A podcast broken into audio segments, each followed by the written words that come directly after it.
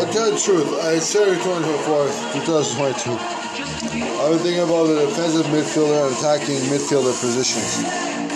What I like to see is defensive midfielders as Gattuso and Owen Lee Hargreaves, Van Bommel and Ballack.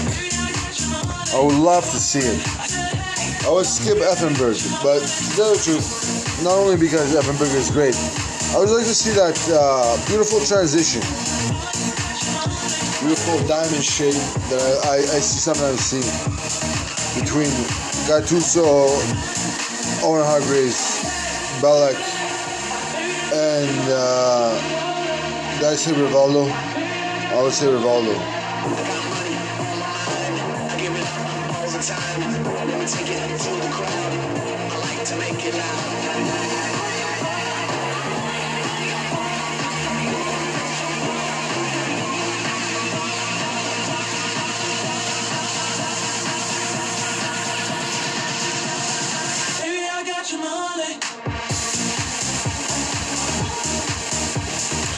That's enough. I would say Van Bommel. I said Ballack and Van Bommel, but I said uh, Rivaldo and Ballack.